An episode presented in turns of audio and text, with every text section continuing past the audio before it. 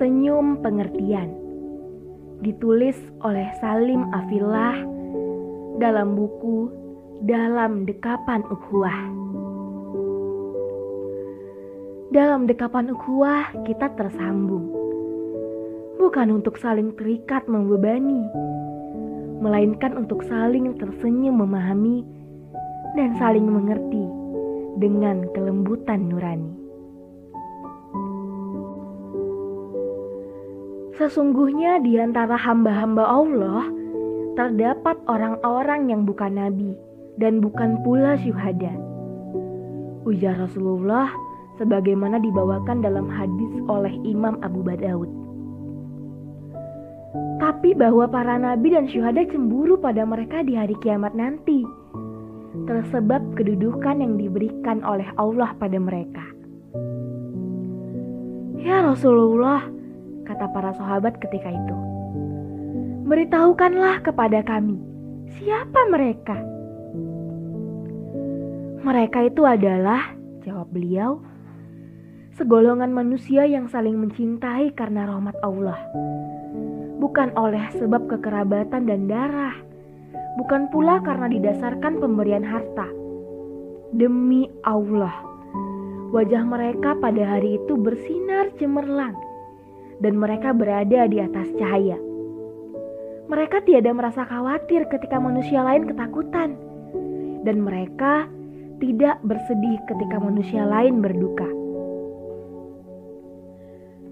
Sebuah hadis kutsi yang dibawakan Imam Ahmad dan At-Tirmidzi merekam kalimat Allah Azza wa Jalla tentang karunia kepada para pecinta ini. Orang-orang yang saling mencintai demi keagunganku Demikian Allah berfirman, akan diberikan padanya mimbar dari cahaya yang dicemburui oleh para nabi dan syuhada. Alangkah agungnya mereka yang mendapat karunia itu. Alangkah beruntungnya mereka yang beroleh kemuliaan itu. Hari-hari ini dalam tertatihnya, kita meniti ukhuwah yang terasa gersang. Dalam menyambungi silaturahim yang terasa kering, dan dalam menjalin hubungan yang terasa pahit, kita telah merasa sejuk sekadar mendengar frasa saling mencintai karena Allah.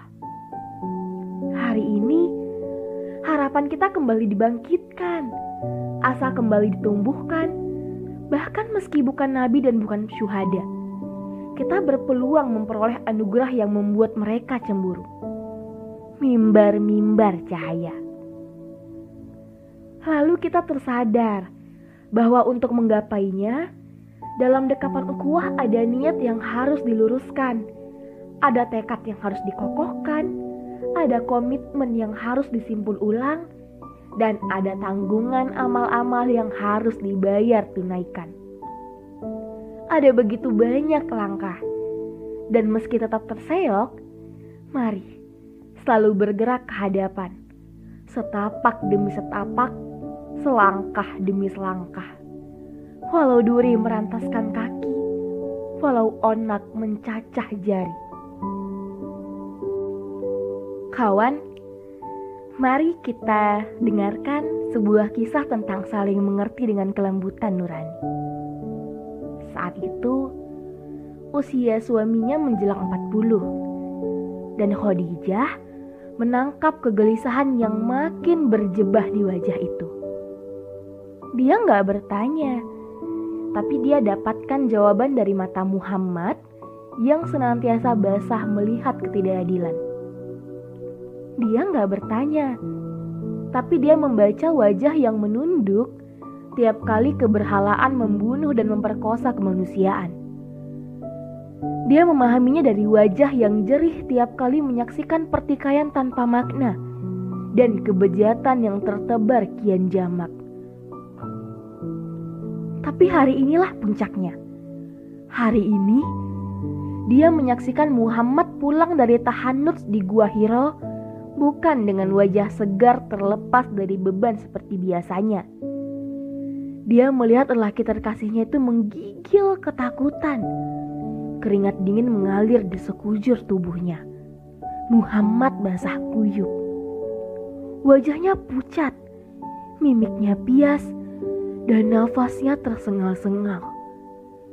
Denyut jantungnya memburu sementara tatapan matanya tercekam seakan dikejar sesuatu yang begitu mengerikan. Begitu pintu terbuka, Muhammad bergegas menuju kamarnya dan luruh di pembaringan.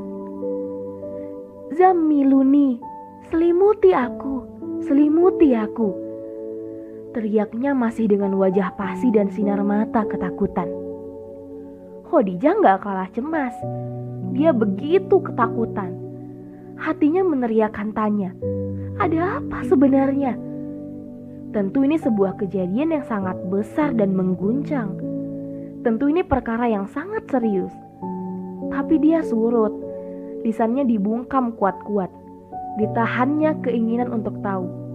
Yang dibutuhkan suaminya kini bukan menceritakan apa yang dia alami yang diperlukannya adalah menenangkan diri dari sebuah hantaman kejiwaan yang Khadijah nggak tahu entah apa.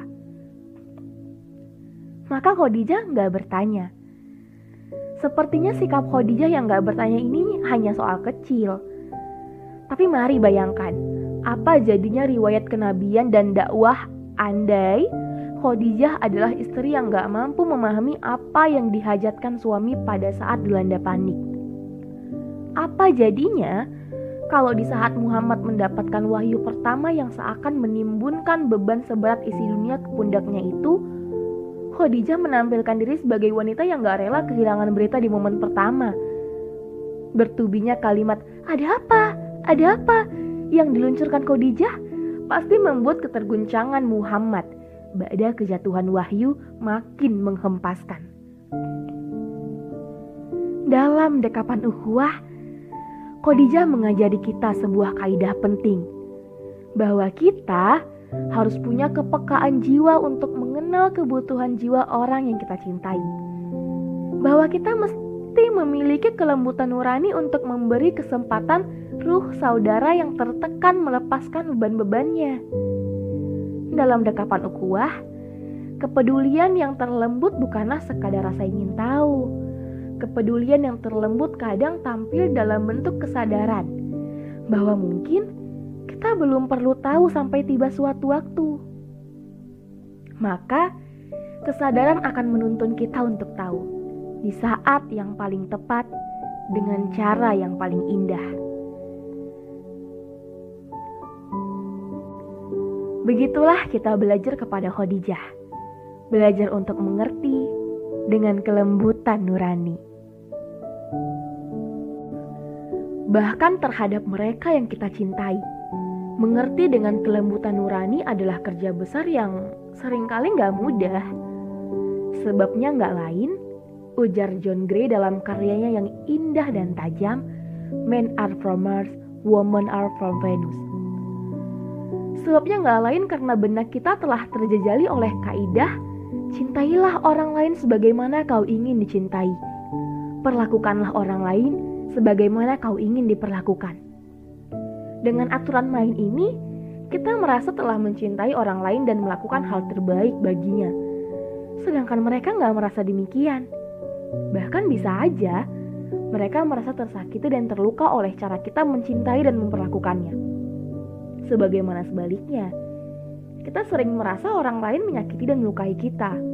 Padahal mungkin aja dia bermaksud mencintai kita setulus-tulusnya. Semuanya gara-gara ajaran yang terdengar manis itu. Cintailah orang lain sebagaimana kau ingin dicintai. Perlakukanlah orang lain sebagaimana kau ingin diperlakukan. Prinsip itu, lanjut John Gray, jauh lebih sering gak berlaku apabila jika antara kita dan orang yang kita perlakukan ada perbedaan pola pikir, cara merasa, dan latar tumbuh. Alih-alih mengikuti kredo itu, sebaiknya kita menggantinya dengan prinsip yang lebih berdaya. Begini bunyinya. Cintailah orang lain dengan cara sebagaimana mereka ingin dicintai. Perlakukanlah orang lain dengan cara sebagaimana mereka ingin diperlakukan. Dalam dekapan ukhuwah, untuk bisa melakukan itu, terlebih dahulu kita harus mengerti dan memahami orang yang kita cintai dengan kelembutan nurani. Bahwa kita belum merasakan itu dari mereka yang kita cintai dan mencintai kita, itu tersebab kitalah yang harus memulainya. Sebab memulai ungkapan cinta adalah penanda cinta yang lebih tinggi. Sebab cinta yang lebih tinggi mengantar pada kemuliaan cinta ilahi. Inilah Rasulullah bersabda dalam riwayat Al-Bukhari, Abu Daud, Ibnu Hibban, dan Al-Hakim. Tidaklah dua orang saling mencintai karena Allah, kecuali yang paling besar cintanya di antara keduanya adalah yang paling mulia. Atau dalam redaksi lain, atau Broni merekam sabda beliau. Tidaklah dua sahabat yang saling mencintai karena Allah ketika mereka berjauhan, kecuali yang lebih besar cintanya kepada saudaranya adalah yang lebih dicintai oleh Allah.